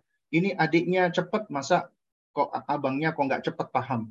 Ya, kenapa? Setiap anak itu beda-beda kemampuannya. Karenanya jangan sampai kita menuntut kepada satu anak agar mereka mengikuti anak yang lain padahal punya keunikan. Ya. Karena tiap anak itu punya punya keunikan yang yang enggak yang enggak sama. Bisa jadi nih ya di antara anak Anda tadi anak yang perempuan ya dia adalah anak apa adiknya maksudnya. Adiknya dia misalnya mendengarkan talqin Al-Qur'an sekali dua kali langsung hafal. Sementara kakaknya yang perempuan ini atau yang laki-laki ya itu butuh waktu ditalkin 50 kali baru kemudian hafal. Ya. Berarti anak anak Anda yang cepat hafal ini dia bakat, punya bakat dia di dalam menghafal. Dan kita sebagai orang tua cari tahu bakatnya mereka, keunikan mereka, kemudian fokus kepada bakatnya. Sementara anak kita yang tidak berbakat di dalam menghafal, dia mungkin punya punya kelebihan di dalam hal lain. Misalnya, dalam kemampuan berbahasanya bagus, atau kemampuan berhitung atau logik matematiknya bagus, atau uh, itu yang apa intinya dia punya bakat yang lain gitu loh. Maka kita fokus pada bakatnya, arahkan bakatnya kepada kebaikan. Tidak semua manusia dituntut untuk menjadi alim. Maksudnya, afan, untuk menjadi ulama. Ya wajib punya ilmu, tapi tidak dituntut untuk menjadi seorang ulama. Bahkan ulama saja tidak semuanya itu harus menjadi muhaddis, ahli hadis atau menjadi fuqaha, menjadi ahli fikih. Masing-masing punya spesialisasi. Nah, demikian pula ya, manusia itu juga punya peran di dunia dalam rangka kemaslahatan dunianya. Ada yang punya kelebihan di dalam ilmu medis sehingga dia menjadi dokter, kemudian kelebihan di dalam ilmu matematik sehingga dia menjadi pedagang atau menjadi apa programmer atau yang semisalnya, kemudian dia punya kelebihan di dalam bahasa sehingga dia menjadi apa namanya menjadi mutarjim atau menjadi apa pun yang bermanfaat, maka nggak ada masalah gitu loh. Arahkan sesuai dengan bakat dan minatnya. Jadi nggak mesti semua harus dijadikan, harus dipondokkan, nggak mesti. Kemudian yang keempat, ya ketika Anda ingin memondokkan anak, maka Anda harus perhatikan. Pertama, ya si anak ini siap atau enggak, ready atau enggak. Kesiapan itu dilihat bukan hanya dari usia, tapi juga dilihat dari kemampuan, dilihat juga dari apa faktor psikis dan psikologisnya dan seterusnya. Kemudian juga dilihat ya gendernya. Kalau ya bagi saya anak laki-laki itu ketika Anda mau pondokkan itu suatu hal yang yang lebih baik ya ketika memang udah usianya. Karena anak laki-laki memang dianjurkan mereka untuk apa keluar rumah. Tapi tidak sama dengan anak perempuan. Anak perempuan yang lebih yang lebih baik, lebih utama adalah sama orang tuanya ya dia berada di bawah tanggung jawab ayahnya khususnya. Jadi tidak dipondokkan. Meskipun ya kalau mau ada pondokan ya silakan silakan aja. Tapi lebih baik dia berada di rumahnya, tidak dipondokkan. Cari tempat pendidikan yang yang yang nggak perlu boarding buat anak perempuan, ya. Nah, lalu kemudian apa namanya uh, juga dilihat apa kemauan dia gitu loh. Jangan sampai anak tidak mau kemudian dipaksa. Kenapa? Keterpaksaan itu sering kali menjadikan tidak baik. Biasanya anak-anak yang dipaksa mondok, entah dia ngadat di pondoknya, atau dia bikin masalah di pondok. Dia mencari perhatian. Dia bikin masalah. Kemudian, jangan punya ekspektasi yang terlalu tinggi dengan pondok. Bukan dalam rangka untuk kita merendahkan pondok. Tidak.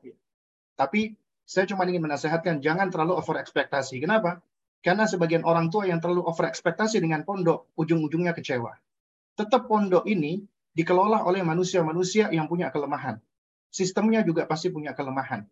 Ya, karenanya jangan terlalu over ekspektasi.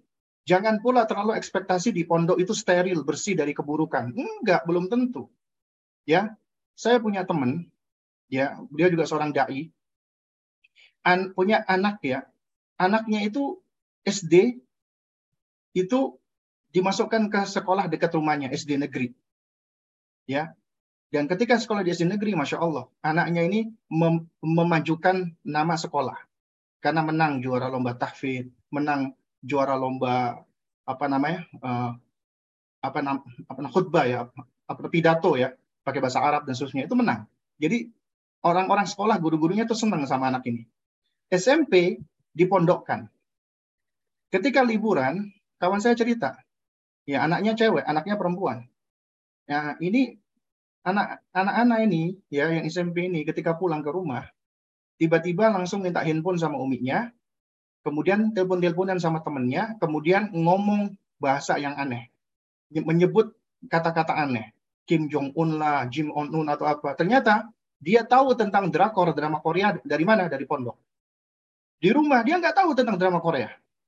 Ketika di pondok kenal sama drama Korea, ngobrol sama teman-temannya tentang drakor. Ini cuman apa salah satu contoh aja. Jadi jangan dianggap wah anak saya nanti kalau di rumah nanti gini, nanti kalau di pondok itu berarti bersih steril. Enggak. Bahkan ada beberapa pondok ya, ini bukan mengeneralisir ya. Itu juga ada kejadian-kejadian kayak LGBT dan yang semisalnya, belum lagi bullying, belum lagi yang lainnya, ya. Masalah tetap ada gitu loh. Jadi jangan dianggap anak dipondokkan berarti sudah selesai, anak pasti berhasil, alim dan lain sebagainya. Enggak tetap ada ikhtiar dari orang tuanya, kerjasama orang tuanya dengan sekolah.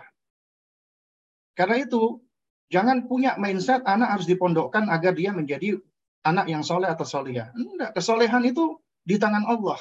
Ikhtiarnya ada pada diri kita. Ya. Dan ketika Anda ingin pondokkan, ketika anak itu sendiri yang mau untuk mondok, dia yang berinisiatif, dia yang bersemangat, Alhamdulillah. Tapi kalau dia nggak berinisiatif, dia nggak mau, berarti Jangan dipaksakan. Karena anak itu tidak dituntut untuk mengikuti kehendak kita. Ya. Tidak dituntut untuk mengikuti ego orang tuanya. Itu suatu hal yang nggak bijak. Karenanya diskusi sama si anak. Ajak bicara, arahkan, bimbing, boleh. Nah, kamu kalau mau mondok, masya Allah, kamu nanti belajar ini. Misalnya dia kurang pede, dia minder, ya itu itu kita kasih motivasi gitu loh. Ya. Kalau cuma masalah sekedar dia minder, dia nggak pede nanti di pondok, ya kita jelaskan nanti kamu di pondok kamu akan akan akan ini lagi, akan lebih mendalam lagi belajarnya dan seterusnya. Ya.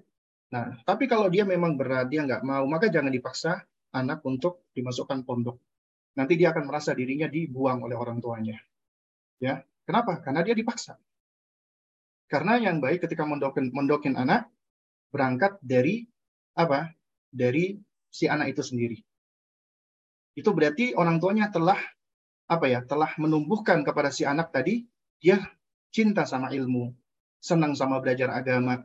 Nah, kemudian baru setelah itu terakhir kita survei tentang pondok. Pondok itu macam-macam. Punya ciri khas beda-beda. Ya, ada yang fokus ke tahfidz, ada yang fokus ke dinia, ada yang fokus ke bahasa Arab, ada yang fokus ke uh, skill juga ada dan seterusnya. Maka cari yang paling layak, yang paling tepat dan yang paling cocok dengan anak kita gitu. Ya Allah langsung. Baik, barakallahu fikum atas jawabannya Ustaz. Jazakumullah khairan. Ustaz, ini ada pertanyaan terakhir Ustaz. Kita kira-kira kita sampai jam berapa kemarin Ustaz? Nah, betul ya. Mungkin ini yang terakhir ya, soalnya kita ntar lagi udah masuk zuhur nih. Oh, masya Allah. Berarti, berarti kuisnya gimana nih, Ustaz? Insya Allah ada dua uh, dua orang tuh kuis, Ustaz. Atau kuisnya, inilah pertanyaan. Uh, kenapa, Ustaz? Nah, nah, kita buka tanya jawab. Kuisnya antum aja nanti yang yang tanya. Oh, barok. Ya, taib, taib. Ini pertanyaan terakhir dari Nuro Umu Mubarak. Tafadhol, Um. Assalamualaikum warahmatullahi wabarakatuh. Waalaikumsalam warahmatullahi wabarakatuh. Barakallahu fiik. Jazakallah khairan Ustaz. Ustaz, Ana ingin bertanya. Tadi Ana sempat mendengar kalau kalau kita jangan menitipkan seorang anak gitu. Jadi yang Ana tahu sebuah sekolah itu kan adalah tempat titipan ya Ustadz ya. Nah, jadi yang ingin jadi pertanyaan Ana, apakah anak untuk sekolah dasar itu lebih utama kita mendidiknya di rumah atau kita masukkan ke dalam sebuah lembaga pendidikan yang formal, Ustaz? Nah, baik. Nah, Ustaz, eh, nah, Ustaz, jazakallah khairan. Baik, ya. Wa jazakillah khair ya, wa fik barakallah. Nah, jadi apakah sekolah itu tempat penitipan anak ya? Maka sebenarnya kita perlu perlu kembalikan dulu nih. Kita kembalikan ke paradigma dulu, ke mindset kita.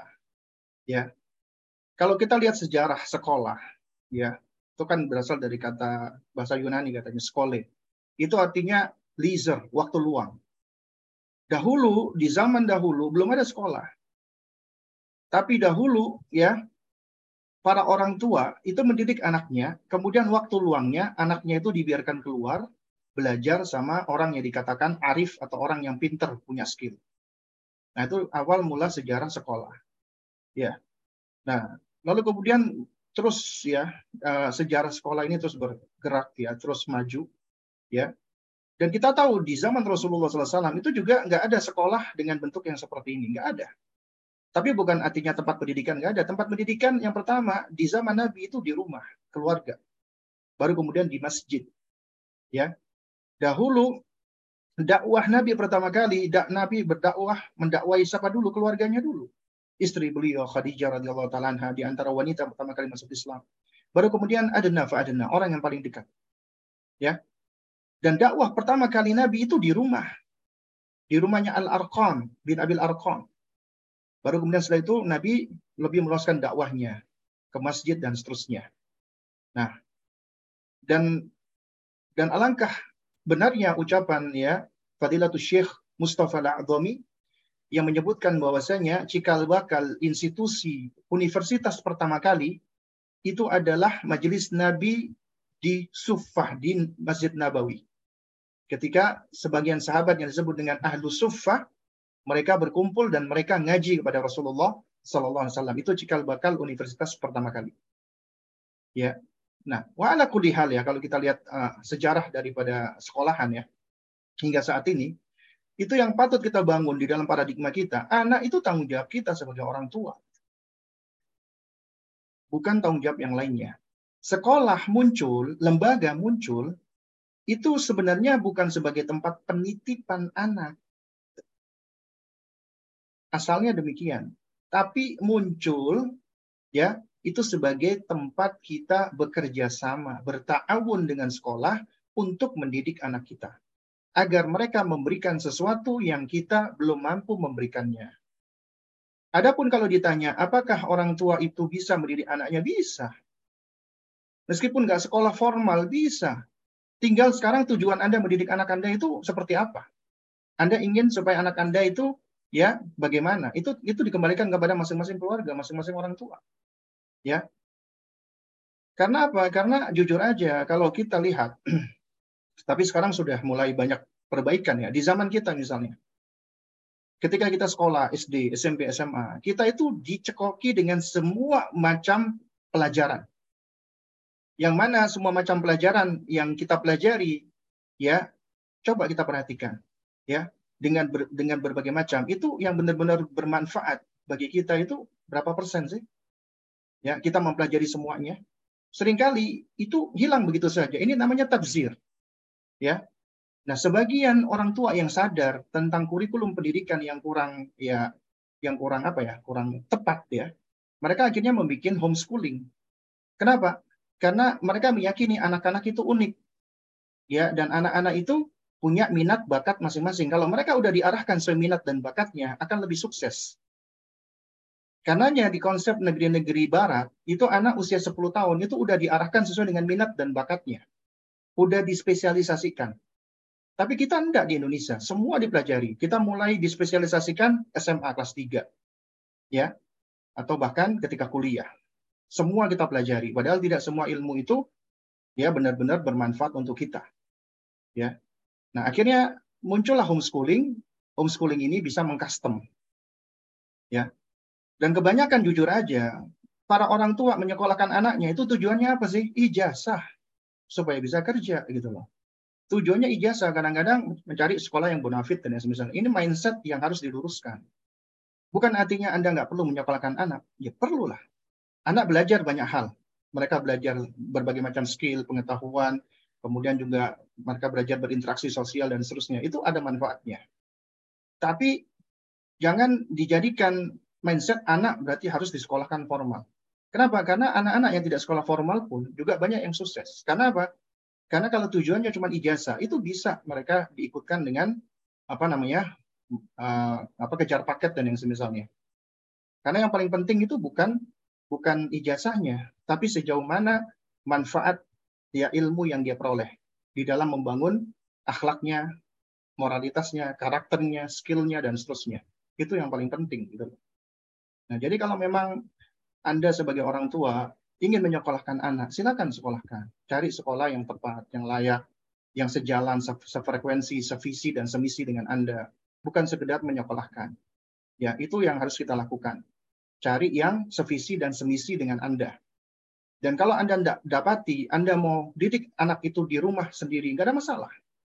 Adapun nanti ijazah, gampang itu. Suatu hal yang bisa dikejar kok itu. Itu nggak, itu nggak begitu sulit. Yang paling penting dari itu semua adalah ya anak kita itu dia benar-benar memiliki pertama karakter akidah dan karakter yang benar sesuai dengan ya Islam. Yang kedua, dia memiliki ya skill, baik itu soft skill, basic skill, ya kemudian hard skill dan seterusnya. Itu sebenarnya tugas dari kita sebagai orang tua. Ya.